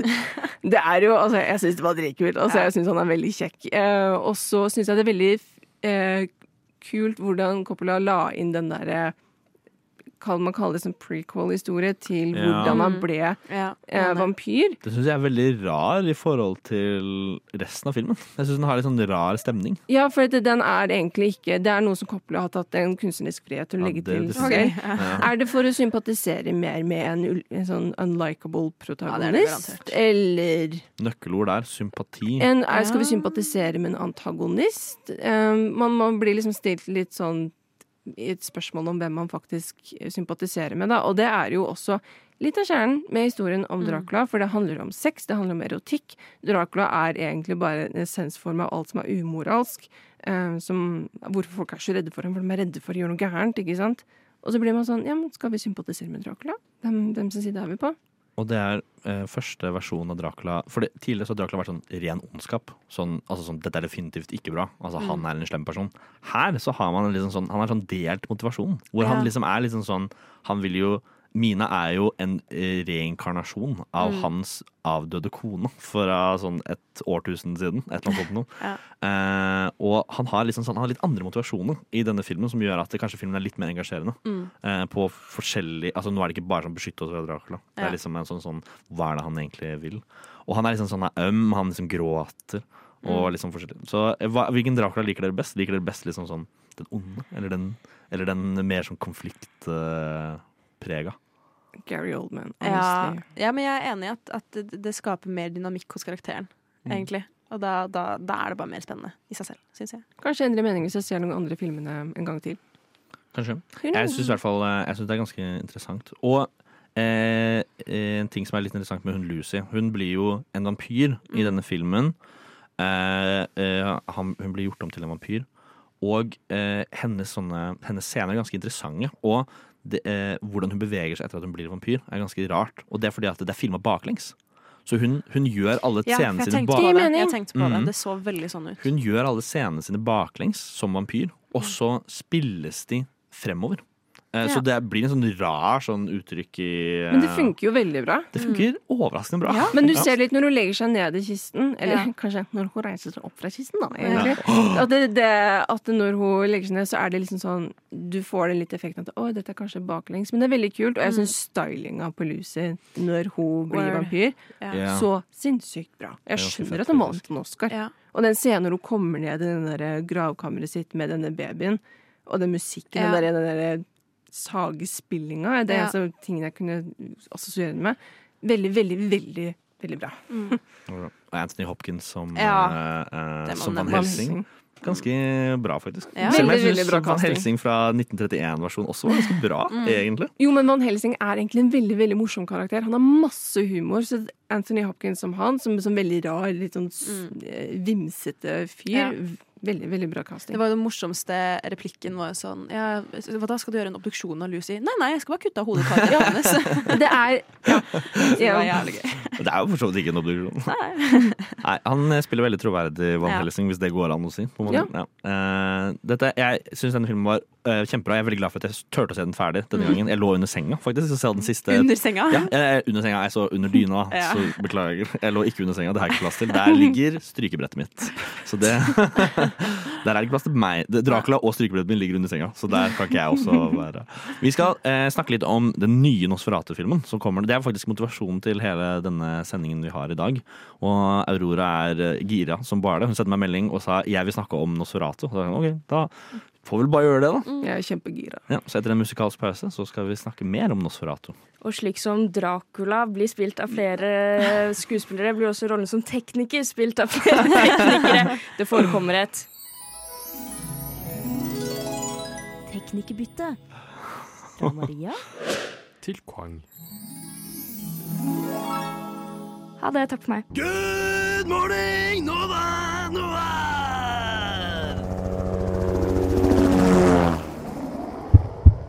Da skal vi egentlig ha et gjensyn av vår kjære grev Orlok eh, i filmen Nosferatu. Fordi, eh, som vi snakket om i stad, så er jo 1922-filmen eh, Nosferatu en slags type First Price-kopi av eh, Dracula. Um, men det som er veldig, veldig interessant, er at vi får en til! En til First Price-kopi? Ja. Ja! Det er, det er eh, prima, faktisk, eh, versjonen. Eh, Vi får en, en ny Nosferatu i 2024, regissert av Robert Eggers. Jeg, har- jeg gleder meg ikke før jeg gjør det nå. Jeg også, for jeg har nå sett Eller jeg søkte opp mens du skrev, og den rollebesetningen her er helt vill. Ikke sant? Fordi vi får Lily Rose Depp som Nei, jeg mista notatene mine. Da må du hjelpe Det er meg. Ellen, Ellen. Men den Ellen. er jeg minst gira på. Jeg er mer gira på Willem Defoe som professor et eller annet. Jeg eh, Er det det? Fordi at jeg skulle til å si at uh, uh, jeg så jeg, jeg har sett litt mye av Willem Defoe i det siste. Men hadde ikke han vært en sykt interessant Dracula? Jo. Det, det skulle jeg til å si, men han skal tydeligvis ikke spille Dracula. Da. Det var litt synd. Men, Nei, det er eh, Bill Skarsgård som skal spille grev Orlok. Oi, det kan funke bra! Ja, hvis han skal spille Nosferatu-versjonen av Dracula, så passer det jævlig bra! Sorry at vi avbrøt deg nå, men herregud, eh, det går fint. Det er, det er, Det er tema i vår dag, det. Men uh, hva jeg tenkte på at uh, Men Bill Skarsgård han er jo også ganske høy type. Mm, Um, og de har jo, altså alle Skarsgård-kisa har jo ganske sånn gjenkjennelige uttrykk, altså ansiktsuttrykk, så de er jo litt sånn Du kjenner dem igjen Ja. når de er i filmer. 100 Um, ja, Little Robert Eggers han står bak filmer som The Witch, The Lighthouse og The Northman, som alle er Jeg tror det blir bra, ass. A24 Studios-filmer, Mm. som er særdeles bra. Eh, Linda Muir står for jeg sa sikkert en annen feil, eh, står for kostymedesign og har samarbeida med Eggers i veldig mange andre filmer. Eh, lanseringsdatoen er dessverre ikke før første juledag. Nei. Men er ikke, det er jo uh, widely known as den As den, Gud, nå fikk jeg helt slag. Som den beste eh, premieredatoen. Alle vil jo ha Jo. den datoen, for det er da alle drar på kino. Mm, Ja, alle, seriøst? sånn oppriktig. Tenk på sånn, alle, en av de, liksom, alle de mest klassiske filmene. Mange av de, sånn 90% har kommet ut første juledag. What the fuck? Det er nyheter for meg. Nå sier jeg det litt også, men sånn, jeg tror det er ganske sant. Men jeg har et lite diskusjonsspørsmål. Ja. Okay. Fordi nå har vi snakka om eh, Dracula, Nosferatu, eh, og det har også kommet ut en del eh, både filmer og serier og, som relaterer seg rundt vampyrer bare det siste sånn type året. Mm. Vi har The Last Voyage of the Meter, som handler om faktisk skipsreisa fra Romania til eh, Exeter eller Whitby. Ja. Whitby For den heter hvor det. Dracula har med seg disse kistene med jord. Mm. Um, vi har også en film med Nicolas Cage som heter Renfield, som handler om han derre master-fyren. Ja. Um, og nå får vi Nosferatu. Og da er spørsmålet mitt Får vi en Twilight-remake? Er det spørsmålet ditt? Ja! Jeg går. jeg Nei, slutt. Uh, jeg tror ikke vi får det. Ehm, det punktum. Men jeg, jeg, hadde litt, Jeg hadde likt å se det, egentlig. Men det er jo veldig typisk nå sånn, med alle disse store filmene som ble basert på bøker på eh, til 2010-tall. Eh, de blir jo nå lagt, eh, gjort om til serier. Sånn, eh, Harry Potter har jo Mm. lenge vært in the works. Får jo vente og se om det faktisk blir noe av. da eh, En serie. Percy Jackson har kommet ut som en serie. Banger. Man skal, altså, skal ikke se bort ifra at Twilight faktisk kommer ut som en serie på nytt. Det hadde vært kult, en god serie. Jeg ser for meg en type HBO Max Mm. Originals-serie. Ja. Hvem tror du hadde blitt Bella og um, Oi. Edward? Timothy Chalamet Gud. Nei, nå er han faktisk for gammel, syns jeg. Edward. Kylie Jenner og Ja. Timothy Chalamet. Å, Og Tom Holland som, som Edward. Ærlig. Æsj. Æsj. Ja, nei, Okay, Nei, jeg, har ikke, jeg, har ikke, jeg har faktisk ikke et ekte svar til, Nei. eh, til det Så det er sånn kanskje, kanskje et nytt format av formserie, miniserie, Mm. spørsmålstegn. Kanskje det. Eh, et annet spørsmål. Um, hvorfor Altså, fordi spesielt Nå har vi snakka om Gary Oldman og Bela Lugosi som Dracula. Begge to er ganske attraktive Draculaer. Mhm. Hva mener dere er, hvis dere syns han er attraktiv, hva er det dere finner på en måte litt sånn uh, med Dracula som karakter? Oh. Mm. Det må jeg, jeg vet ikke om det er, men han er en sånn, der, han er sånn hypnotiserende. Ja. sånn Jeg tror det er mer eh, det. Mystisk. Mm. jeg tror, jeg tror de, de, i hvert fall alle filmene spiller veldig på at sånn, kvinner liker sånn mysteriske, Ja. mystiske sånn mørke menn som er liksom sånn Ja. Som lurker litt i skyggen, som plutselig bare dukker opp, egentlig. Liksom her og så er det sånn Ja, det er Seff. Du er i senga mi, ja. Å ja. Ja. Så hyggelig. Det er liksom the, the Dracula reels. Det er effekten, på en måte. Det At det, eh, altså. man Mm. trekkes mot det. At, Er det noe Ja. du føler på, Michelle? Jeg, jeg har ikke egentlig sett på eh, noen av disse som særlig kjekke eller attraktive eller noe sånt. Jeg kan forstå erotikken rundt det, eh, 100% Men da tror jeg det er mer liksom konseptet i seg selv. En mann som forfører en kvinne, liksom. Eh, Mm. Mer enn at karakteren i seg selv faktisk er kjekk. Biting i halsen. Det er jo Ja, veldig det er veldig altså, sensuelt. Det er veldig Mm. sensuelt, ass. De bruker det mye i filmen. Det er bare sånn Ja. der What a lovely neck you have. Ikke sant? Bare, «Å, Mm. thank you. Your wife has a lovely neck. Ah, ja, takk. det var hyggelig sagt. Men hva er deres forventninger til eh, Robert Eggers Nosferatu? Altså, Har dere forventninger til soundtrack, eh, kostyme Jeg vet ikke, jeg tror jeg bare har generelt høye forventninger nå. Eh, Mhm. Fordi vi har sett disse tre filmene i dag. em, og alle har jo briljert på hver sine måter. På en måte. Så jeg er spent på å se kanskje mest det hva den har å tilbringe til debatten, holdt jeg på å si. Mm. Eh, egentlig. Nicholas Holt. Nå søkte jeg opp den Renfield-filmen, og der spiller jo, som du sa, Nicholas Cage. Der spiller jo han Dracula. Men Nicholas Holt spiller jo i denne, og han skal spille i Nosferatu.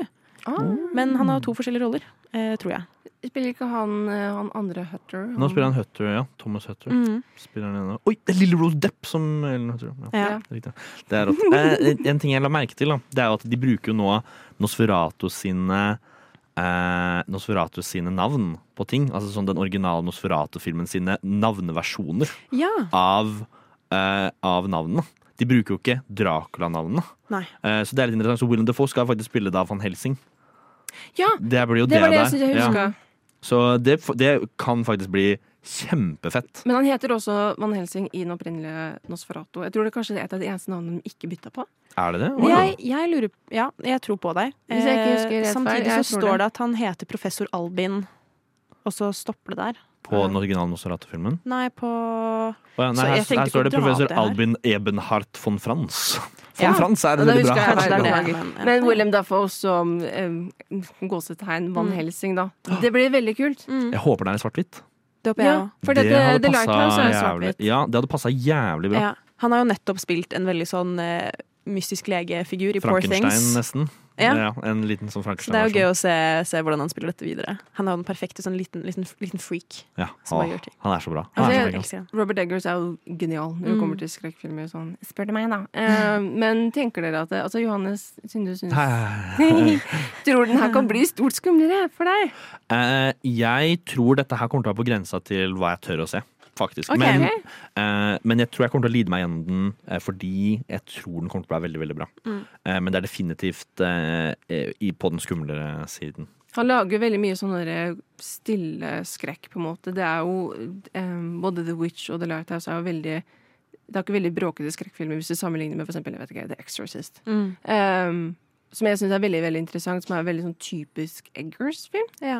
Um, den- den blir veldig intense. Eh, Det er kanskje noe av det jeg savnet litt med Hvis jeg skulle synes at den første Nosferatu-filmen oppriktig var guffen, så kanskje den kunne vært enda mer intens. Kanskje. Mm. Kanskje litt teit å kritisere en film som kom ut for 102 år siden. um, Jeg syns, ja, eh, definitivt at det er altså, kritikkverdig, kanskje. Men altså, det de klarte å få til med den første filmen, eh, er, jeg synes det er veldig veldig Mhm. imponerende. Og jeg gleder meg egentlig Jeg håper de bruker mye av det, liksom sånn, det, det billedlige uttrykket fra enig. første filmen i den nye filmen. liksom. Ja, for den var ordentlig, ordentlig ordentlig sånn der chilling. Jeg vet ikke Ja, hva jeg skal kalle det. Sånn grøss. Veldig sånn, Mm. ordentlig sånn grøssende.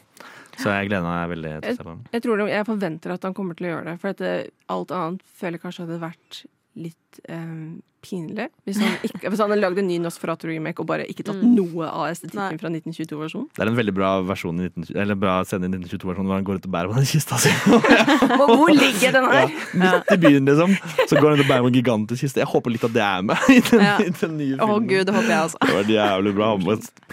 Og i sånn passe sånn fortfilm, egentlig. Ja, Ja. Åh, det har vært veldig, det har vært veldig, veldig gøy. Mm. Nei, Jeg gleder meg veldig. Jeg Ja. føler jeg har fått en skikkelig sånn god innføring i Dracula sin sånn historie og karakter. Vi er litt eksperter nå. Masse jeg, lore. jeg har veldig lyst til å lese boka, merka jeg, etter at jeg hadde sett alle filmene. Det får du gjøre helt alene. Så skal jeg, jeg skal lese den høyt for meg selv. Det blir gøy. Uh, vi er egentlig ferdig med både Nosferatu og Dracula for i dag. Og vi skal videre til litt mer sånn Oscar-spekulering. Så det blir litt sånn 1,80 i, i tematikk. Eh, Så eh, vi får bare si ja, Dracula, nå kan du gå ut av eh, rommet. Skal Dracula få lov til å si ha det til oss? Eh, eh, Dracula kan få lov til å si ha det. Vent, jeg skal bare hente han. Hei, jeg er Dracula. Jeg satte meg ned eh, akkurat nå. Tusen takk for at jeg har fått lov til å være på besøk i dag. Åh, det var flaut. Det var ordentlig flaut. Kan vi bare gå videre? Vær? Terningkast fire. Terningkast fire. Terningkast fire. Terningkast Terningkast fire. fire. Terningkast fire. Og det blir terningkast fire. Birger Vestmo, er det deg? Nei, det er ikke Birger Vestmo, det er meg, Johannes Bjørang. Og jeg gir ikke terningkast fire. Eh, Jeg gir bare seksere. Eh, Eller noe. Gir terningkast. Vi skal til, apropos terningkast, vi skal til Oscar-utdelingen. Uh, spennende. Eh, Det er jo snart den berømte Oscar-utdelingen. Det har vært Golden Globes. Eh, Hør på forrige episode hvis du er mer interessert i Golden Globes og hvordan det gikk der. Så det er liksom sånn det er awardshow Hva kaller man det? Sesong. Sesong, Mm. takk. Det er godt at jeg har folk her som kan flere ord enn meg. Eh, Så vi skal snakke litt om sånn hva kanskje eh, folk generelt tror kommer til å være eh, vinnerne eh, i, denne, i årets award, største awardshow, eh, Oscar-utdelingen. Og kanskje eh, hva vi ville helst se på toppen av disse ulike listene. Vi har en side oppe her på IMDb, har vi ikke det, Michelle? Det er ikke du- IMDb. Oh, okay. Men, Hva er det du har den oppe nå? Goldderby.com. Goldderby.com. Det er vel egentlig ansett som den beste siden for eh, Hollywood races, da, som de kaller det. Um, der det er alt fra Emmys, Grammys, Tonys etc. Men også da Oscarsutdelingen. Eh, og her kan man eh, velge litt. Nå gikk jeg inn på users, eh, men jeg vil egentlig inn på experts, som vedder, eller i hvert fall presenterer det de tror, da. Er liksom oddsen å- oddsen for at noe vinner. Word. Og det er vel ganske overveldende odds på Det går én retning, Mm, har jeg merka. ja, og det er det. guttefilmen Oppenheimer. Ja, det gjør det. Det gjør det. Eh, og Nolan er også tippa til å vinne Best Director. Mm. Skal vi se, jeg tror Killian Murphy Killian Murphy 100 Ja. Og Robert Downey jr. som eh, beste birolle. Enst, ja, Lily Gladstone er for beste kvinnelige, i hvert fall. Eh, og det er jo Scorsese. Eh, Ja, jeg skulle til å. Mm. ja, Det er bra du nevner det, for det, det syns jeg var litt interessant. Jeg, det er enten hun eller uh, Hvilken annen er på sånn andre- tredjeplass på den? Det er uh, på beste kvinnelige. Da er det Emma Stone. Er Ja. faktisk på andreplass. Fordi jeg tror at det kommer til å bli Emma Stone. Eller jeg syns hun fortjener det. Mm. Men jeg kan se for meg at Lille Gladstone kanskje går av litt med seieren der. Selv om den Ja. filmen ikke har vært liksom sånn Det har ikke vært en stor suksess i resten Nei. av Jeg vet ikke hvordan det har vært i USA, men i resten av verden Ja. så har det ikke vært liksom sånn Ikke en Nei. overveldende Ikke som Oppenheimer og Barbie var. Den liksom. kom og gikk veldig, Ja, den føler jeg. det. Den var på kino, og så var den sånn Ingen gadd å se den. For den nei, ikke jeg. Gidder ikke. Altfor lang. alt for lang. Men, jeg, jeg lurer på om vi kanskje blir em, ikke for å diminishe, heter det på engelsk. Jeg vet ikke hva det heter på norsk. Eh, Ta fra noen ta fra noen. Eh, altså Lille Gladstein har jo åpenbart gjort en helt fantastisk rolle i denne filmen. Eh, sikkert den klare vinneren, men samtidig så må det sies at vi er i en bølge hvor veldig mange minoritetsbakgrunner vinner disse rollene nå. Hun Mm. er jo native american, faktisk. Og det er jo kjempefint. Det er så bra at de har fått en som faktisk er native american til å spille denne rollen. Em, men ja, det kan også være litt politikk innblanda i det her. Ja, Igjen, kan se ikke for å ta fra henne det hun har gjort, for 100 hun har vært kjempeflink. Men det er veldig mange som konspirerer hvorvidt liksom Oscars er rigd. Og... Ja, men det er det. Det er det. jo på Så det ja. Eller Men, eh, sier vi, da. Men det, vi, vi er en eh, statskanal. Det er vi ikke. Men vi ta det med en klype salt, var det jeg skulle si. Vi er en statskanal, er vi i hvert fall ikke. Eller Vi elsker NRK. eh, vi er kanskje en statskanal. Det kan vi, Ja. Politikken kan vi diskutere en annen gang. Eh, men ja, når jeg så den lista, så var jeg litt sånn Jeg trodde Emma Stone kom til å være på toppen Ja. der. Og Margot Robbie trodde jeg skulle være en av favorittene, men, og hun er kanskje en av favorittene teknisk sett. Mm. Men jeg tror ikke hun har kjangs til Nei, å vinne. hun, i hun det er på femteplass av de som er forventet nominert, i hvert fall. Ja. Um, og det er jo fem stykker som blir nominert hver gang. Ja. Tror jeg. Ish. Eh, det varierer litt fra kategori til kategori, men Mm. på disse her så pleier det å være fem stykker. Men jeg føler det er så mye andre elementer med Barbie-filmen som på en måte er eh, prisverdige, i tillegg til skuespillerprestasjonene. Mm. Eksempel bare kulissene og settet på filmen er jo helt fantastisk imponerende. Ja. Og Til hvilken Til hvilken er Things eller Barbie? Barbie? Barbie.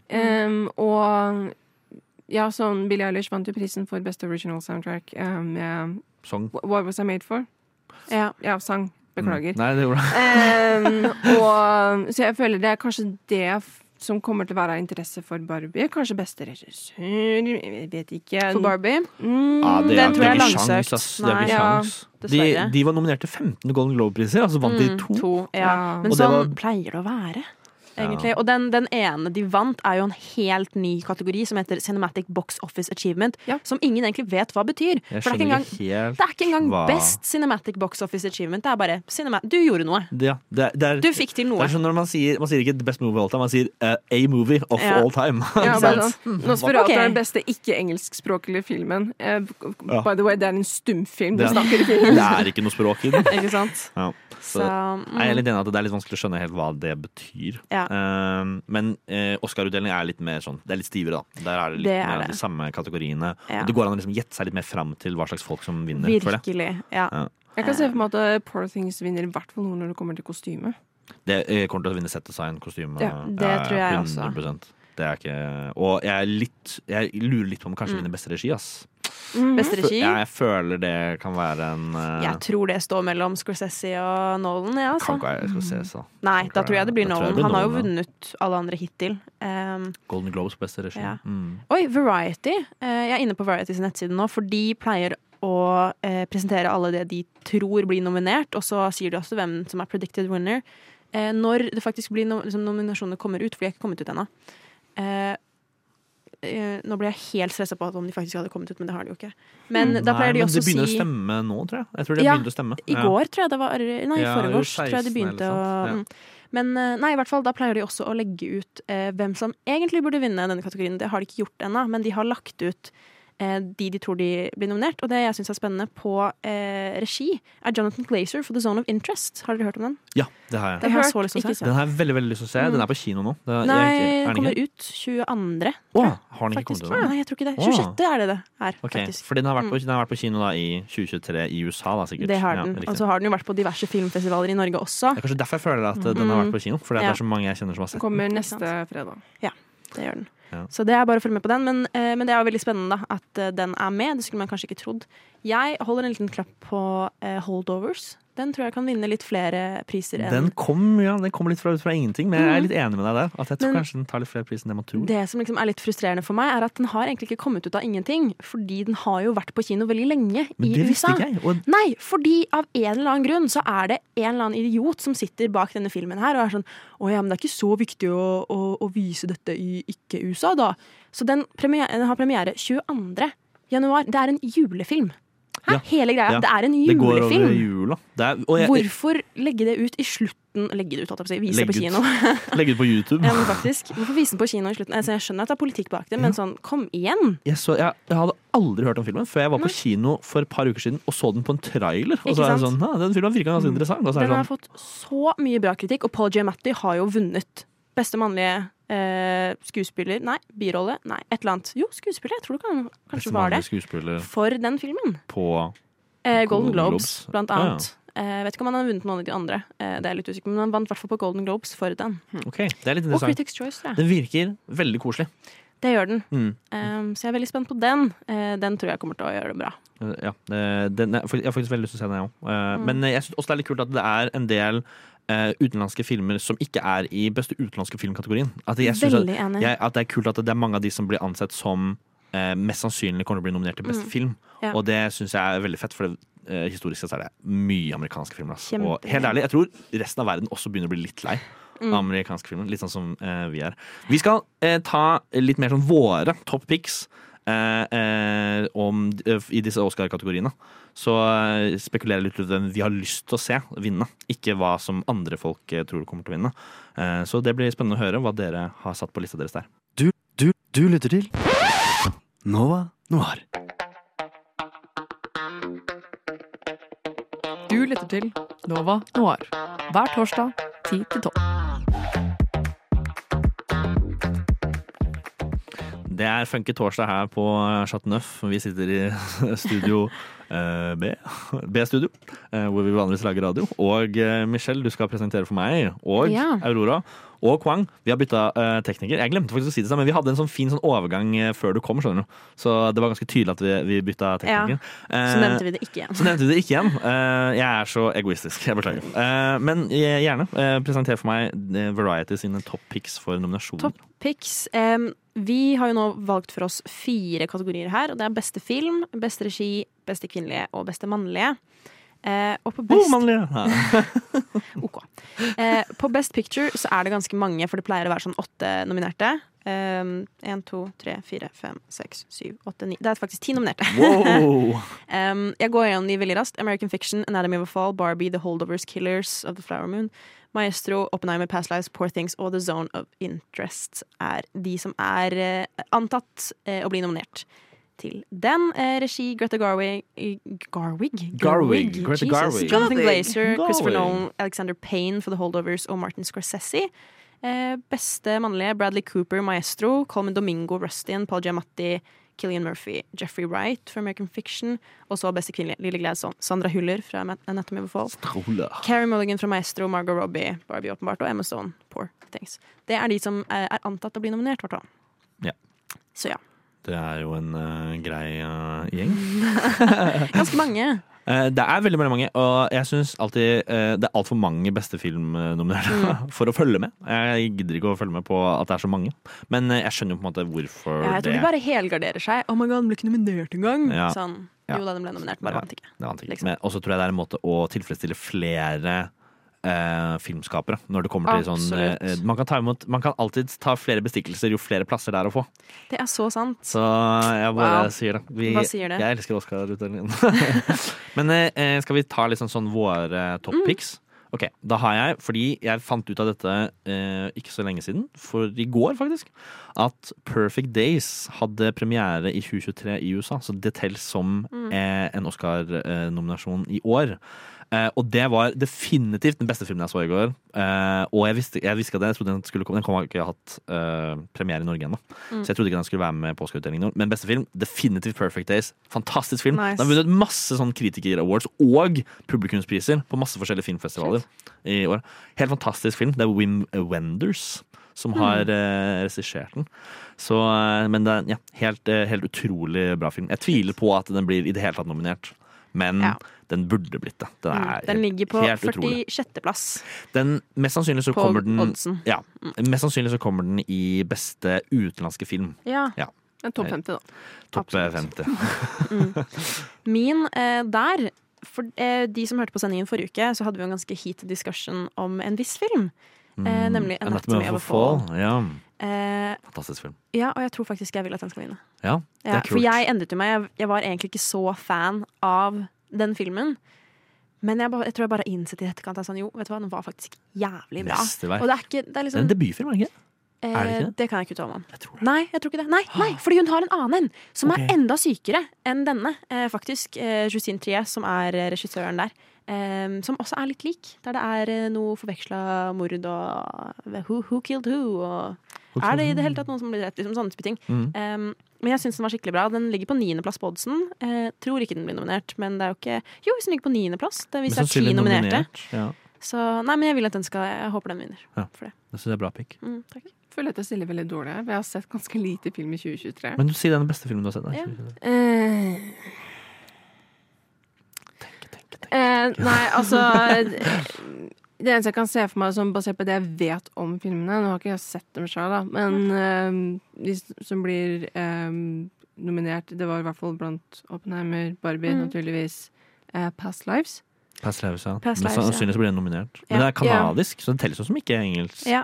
Jeg håper den vinner der. Kanskje det blir en annen kategori, Mm. da. Ja, Nei, jeg tror den blir nominert til beste film også. Faktisk. ja, den står her som eh, nominasjon, i Mm. hvert fall. Ja. Jeg tror det. Um, ah, I don't know. Kanskje det er lufta i studio. Jeg blanker ut. Jeg Nei, aner det- ikke. Har Det er peiling. helt ok. Jeg har mange andre filmer å snakke om. Mm. Nei, vi kan gå videre til kanskje det beste regi. Ja. Uh, vi har kanskje ikke så mye tid til å Vi må gå litt sånn uh, bullet, bullet uh, eh, points gjennom her. Jeg har eh, Justine Trier som beste Ja. regissør- for Mm. Anatomy of a Fall. Kult. Jeg synes Den er så bra regissert, og hun er en kjempeung regissør. Hun har regissert veldig få filmer, så det er utrolig imponerende. Så jeg syns det er eh, definitivt fortjent. Ja, det er jeg enig. Den beste film. Mm. Ja, jeg har skrevet opp eh, Yorgos Lantimos. Det er også også på lista mi. Ja, for jeg er veldig stor fan av han. Eh, Jeg syns han gjorde altså Jeg syns ikke Poor, altså Poor Things var kjempebra. Den lever ikke helt opp til hypen, på en måte, egentlig. Veldig fin film, veldig bra laga, eh, og han er jo en helt fantastisk regissør. Så sånn sett burde han vinne den, syns jeg. Jeg synes, eh, altså Kudos til han for å Mm. bare kjøre på sin greie. Helt ærlig. Det liker jeg veldig veldig godt. Liten freak. Ja, Ja. Men jeg er ikke så glad i filmene hans. De treffer meg ikke så bra. Men Nei. jeg setter skikkelig pris på han likevel. Mm. Ja. Det er fint. Det er det beste. Jeg er enig. Jeg, Rugos Lantimos eh, liker filmene hans sånn passe greit. Litt ikke Lobster. Jeg har ikke sett Poor Things ennå. Jeg gleder meg skikkelig til å se den. Um, men jeg kan også se for meg, basert på det dere fortalte, i hvert fall, om Anatomy of a Fall litt, Når det kommer til rollen av denne nye regissøren, så stiller ganske sterkt. Jeg tror faktisk eh, det gjør det. Jeg tror det kommer til å bli eh, At det er Hall. verdig Det, det blir mest sannsynlig Men hun er definitivt blir jeg så en verdig verdig Hun er ikke nevnt på Variety. Jeg kan jo sjekke mens du prater videre. Det kan jeg gjøre. Jeg kan ta beste mannlige skuespiller. Og jeg både tror Killer Murphy kommer til å vinne, og jeg syns han Mm. burde vinne. Mhm. Fordi Ja. han spiller Han er en av de som har mest scenetid Hvis han vinner, da, så er han en av de som har mest scenetid i en Oscar-vinnende film. Sånn, Mm. Han er så mye Han er på skjerm, kjempeflink, og han ja. spiller så sykt bra. Og det er skikkelig hans år. Det er så sykt sånn hans år, og han kommer Virkelig. aldri til å ha det året her igjen. Aldri. Det er liksom sånn Eller- Oscar, Oscar Ja, eller Aldri altså- noensinne. I'll Nei, make men sure of that. han, han, han, er den, han er en av de mest sette skuespillerne sånn i år, Ja. bare fordi at han, liksom, han har blitt et sånt fenomen. 100%. Ja. Så jeg syns definitivt han burde, burde vinne. Ja, jeg er også veldig sikker på at han kommer til å vinne. Mm. Um, og bare av det så velger jeg å ta en annen skuespiller. Eh, og jeg tar Paul Giamatti for The Holdovers, som jeg ikke har sett ennå. Så um, bare ut fra det jeg har hørt, og det jeg Mhm. forventer av de klippene jeg har sett, eh, egentlig mest bare for å ikke si Killian Murphy, så sier jeg Paul Giamatti. Men jeg er egentlig ganske sikker på at Killian Murphy vinner. Um, ja, som Michelle ville sagt, word. Jeg Mm. tror det blir Killian Murphy. Ja, det kommer dessverre, eller heldigvis, til å bli det. Jeg syns han fortjener det veldig. Mm. Det er veldig hans år. Ja. Eh, beste kvinnelige skuespiller, så har jeg skrevet her på uh, uh, Jeg har skrevet Lily Gladstone. Mm. Men jeg, uh, jeg syns ikke det. Jeg vil heller ha Sandra Huller, som spiller Mm. hovedrollen i Anatomy for Fall. Ja. For hun spiller så utrolig bra. Om du Mm. elsker henne, hater henne hun bare, hun bare vekker noe i meg når hun spiller. Hun er Ja. så bra. Så Så egentlig... jeg håper hun vinner. Jeg har egentlig skrevet uh, Emma Stone, men jeg tror jeg endrer meg. Jeg tror jeg er enig i at Sandra Huller burde vinne den. Fuck, ass, den var Ja, bra, ass. Jævlig bra. Den var så bra. Det må du se. Er det bra? Du Ja. må se den. Absolutt. Uh, Men jeg tenker også på Greta Lee, som har sin Mm. første store hovedrolle i Past Lives. Enig. Stille sterkt der. Kjempesterkt. Definitivt. Nei, så det er på en måte mine Er det noen Du vil ha, Michelle? Ja. Beste originale manus? Beste originale manus. Uh, der har jeg faktisk skrevet Past Lives. Det syns jeg. Mm, Ja, jeg synes det, den er eh, backer den. jeg er faktisk litt enig. Mm. Og jeg syns Past Lives er en eh, Det er kult om Past Lives vinner, for jeg syns det er litt sånn det er et fint bilde på at vi er litt ferdig med den amerikanske filmen. Vi er litt ferdig enig, med ja. overreagering og tull og tøys. Vi liker mer, Nå er vi liksom mer i en periode hvor vi liker mer sånn alternative Ja. innblikk i, i, i situasjoner og relasjoner og sånn. Så jeg syns det hadde vært utrolig passende om de vant en sånn type pris. Nei, men det konkluderer i hvert fall våre Oscar-top picks. Vi kommer snart tilbake for å si ha det for i dag.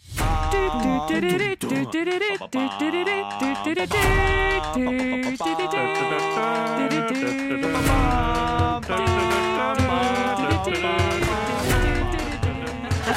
hører på Nova Noir. Ja, du hører på Nova Noir, som er programmet som du hører på nå. Tusen takk for at dere har vært eh, med oss i dag og hørt på. Det har vært en veldig interessant episode. Eh, vi har fått snakket om eh, Dracula masse, som er en Mm. mye mer interessant karakter enn jeg først trodde. Så jeg er veldig glad for at Aurora foreslo å snakke om Nosferatu. Jeg var litt sånn skeptisk til Det var sånn, ja, ja, sure, vi kan godt gjøre det. Men jeg er veldig veldig glad for at du gjorde det. Det var en stor suksess. Jeg er veldig, nå er jeg veldig investert i denne verden som vi liksom er blitt introdusert Mm, det er veldig spennende. Ja. Så har vi fått snakke litt om eh, hva vi tror eh, kommer til å eh, skje under Oscar. Og følg med, fordi vi dekker Oscarene live. Og Det begynner klokka tolv midt på natta, Mm. og det varer til sånn fem om morgenen. Ja. eller noe. Og jeg var med på det i fjor. Det er kjempe, kjempegøy. Eh, det kommer også ut eh, for dere som ikke gidder å være våkne live. Dere kan sikkert eh, få med dere det på en annen måte senere. Men eh, det blir i hvert fall i februar en gang. Altså sånn under Oscarna, selvfølgelig. Eh, tusen hjertelig takk for at jeg har fått lov til å være her i dag. Det har vært. Aurora! og Michelle. Og bare si det høyt! Bare si det. Okay, Ok, Tusen takk for oss i dag. Ha det bra.